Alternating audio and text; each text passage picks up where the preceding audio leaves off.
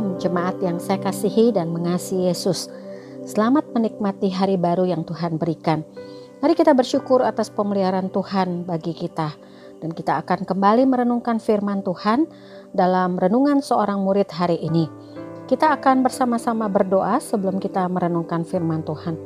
Bapa kami di surga, kami mau bersyukur atas kasih setiamu yang selalu baru.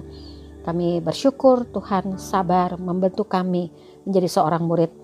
Engkau setia menuntun kami dengan memberikan firman Tuhan setiap hari untuk kami pelajari bersama. Dan kau tidak pernah meninggalkan kami dalam kelemahan kami. Tetapi lewat firman-Mu kami terus dikuatkan kembali. Terima kasih Tuhan. Siapkanlah hati kami semua. Dalam nama Tuhan Yesus kami berdoa. Amin. Firman Tuhan hari ini dari 2 Samuel pasal 8. Saya akan membaca beberapa ayat 1, 2, kemudian 6, 14 dan 15. Demikian firman Tuhan. Sesudah itu Daud memukul kalah orang Filistin dan menundukkan mereka. Lalu Daud mengambil kembali pemerintahan atas ibu kota dari tangan orang Filistin.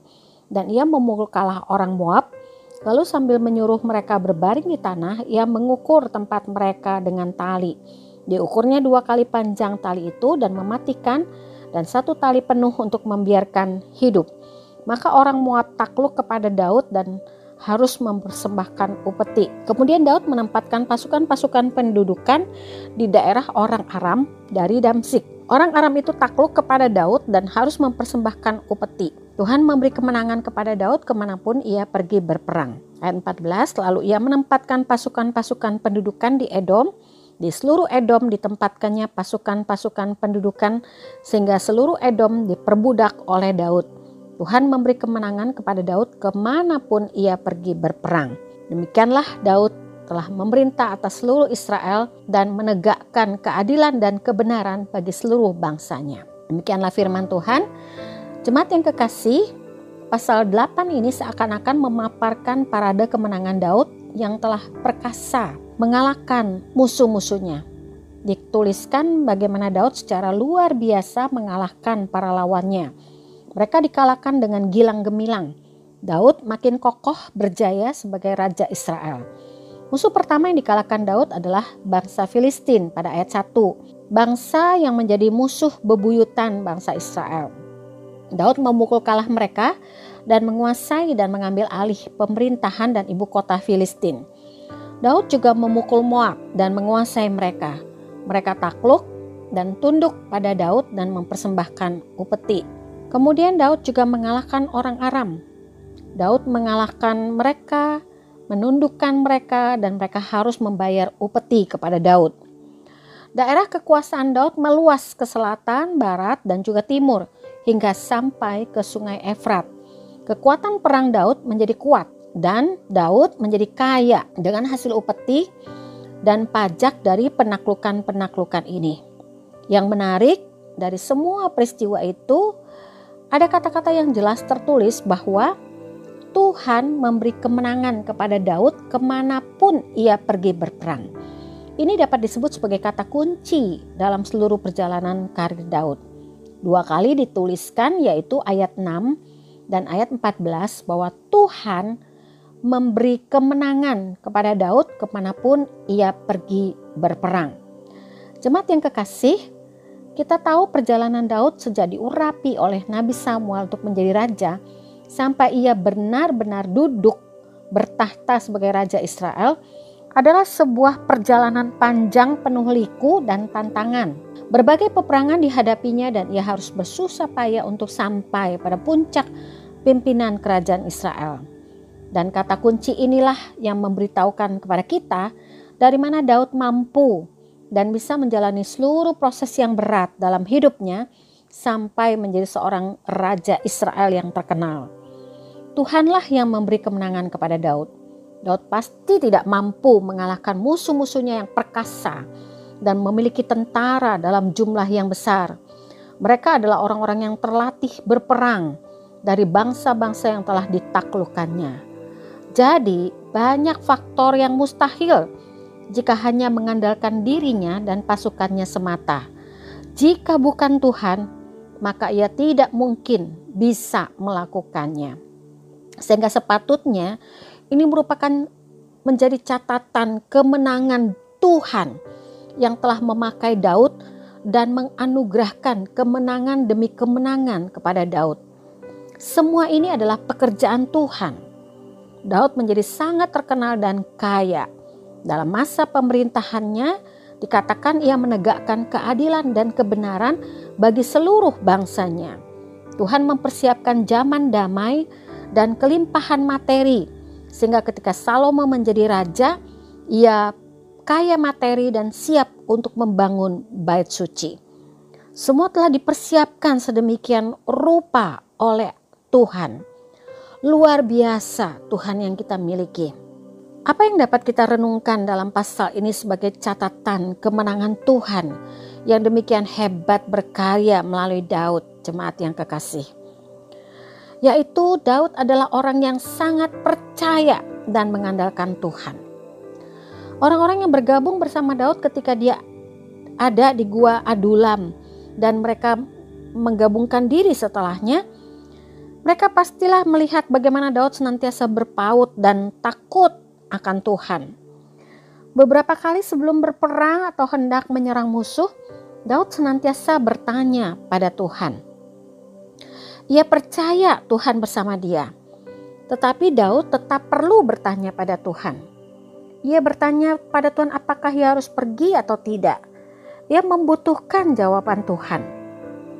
Ia mencari apa yang menjadi kehendak Tuhan dalam peperangan yang akan dilakukannya. Daud sangat mengandalkan Tuhan dalam setiap keberadaannya. Jika ia dalam keadaan terjepit, ia berseru pada Tuhan. Dia meminta pertolongan Tuhan. Dalam setiap kesulitan, dia berseru pada Tuhan. Hatinya selalu diarahkan pada Tuhan. Jemaat yang kekasih, bahkan ketika Tuhan memberi kemenangan, ia kembali bersyukur dan memuji-muji Tuhan. Ia tahu Tuhanlah yang telah berperang baginya dan menaklukkan para musuhnya. Jadi jelaslah Tuhan panglima perang yang mengalahkan musuh-musuh Daud. Tuhanlah yang berperang, bukan dengan kekuatan dan kuat gagah Daud dan pasukannya mereka pasti tidak berdaya menghadapi pasukan musuh yang biasanya lebih besar jumlahnya dan lebih terlatih. Tuhan memakai mereka memukul musuh-musuhnya. Tuhan memberi kemenangan kepada Daud dan para tentaranya. Jemaat yang kekasih, dalam hidup kita apakah kita sudah senantiasa mempercayakan diri kita dan mengandalkan Tuhan? Kita tidak mampu berperang menghadapi setiap pergumulan dalam hidup kita sendirian. Kita harus mengandalkan Tuhan yang akan berperang bagi kita. Kita harus mempercayakan diri kita padanya sehingga ia memberi kita kemenangan. Jangan merasa hebat dan merasa mampu berjalan dalam hidup ini. Hidup dalam dunia yang dikuasai kegelapan, kita sering mudah ditipu, diperdaya oleh dunia, dan si iblis yang memakai segala cara untuk menghancurkan iman dan hidup kita. Berapa banyak contoh dari orang-orang Kristen yang berjalan tidak mengandalkan Tuhan, tidak peduli pada Tuhan, tidak mau beribadah dengan setia, lebih mengandalkan kemampuan materi, kemampuan intelektual, kemampuan berstrategi, kemampuan diri sendiri. Akhirnya mereka jatuh terperosok dan ketiga tidak mencari Tuhan, tidak berseru, tidak kembali pada Tuhan, pastilah akan hancur. Jemaat yang kekasih, kita selalu diingatkan bahwa Tuhan menunggu kita mencari dia untuk datang padanya, bertanya padanya, dan mencari kekuatan di dalam dirinya. Tuhan memiliki kekuatan dan kuasa melebihi kuasa di alam semesta ini. Tuhanlah gunung batu perlindungan kita Ialah yang memberi kita segala kemampuan dan kekuatan melawan segala tantangan, kesulitan, dan pencobaan ketika kita dicobai. Tuhan sanggup melepaskan kita dari musuh-musuh kita. Jadi jangan biarkan kita sendirian. Jangan biarkan diri kita tanpa Tuhan. Datanglah pada Tuhan dan andalkan Dia. Namun, kita diingatkan juga ketika kita berhasil, kita sukses, dan hidup kita baik atau sangat nyaman. Janganlah kita menjadi sombong karena semua itu adalah anugerah Tuhan. Ia yang telah memberi kita kepercayaan untuk mengelolanya dan menaruh berkatnya pada kita sebagai kepercayaannya. Semua catatan keberhasilan kita sesungguhnya catatan tentang Tuhan yang perkasa. Kiranya Tuhan memberkati kita semua, tetap andalkan Tuhan. Amin. Mari kita tutup dalam doa. Bapa kami di surga, terima kasih bahwa kami memiliki Engkau Tuhan yang perkasa. Engkaulah penolong, pelindung, dan yang memberi kami kemenangan saat kami melewati setiap tantangan dan percobaan dalam hidup ini. Terima kasih Tuhan, ingatkan kami untuk terus bersandar dan mengandalkan Engkau saja. Engkau satu-satunya di dalam Yesus Kristus yang menjadi Tuhan dan Juru Selamat kami. Terima kasih Tuhan. Dalam nama Tuhan Yesus kami berdoa. Amin. Selamat hidup berkemenangan bersama Tuhan Yesus yang menyertai kita semua.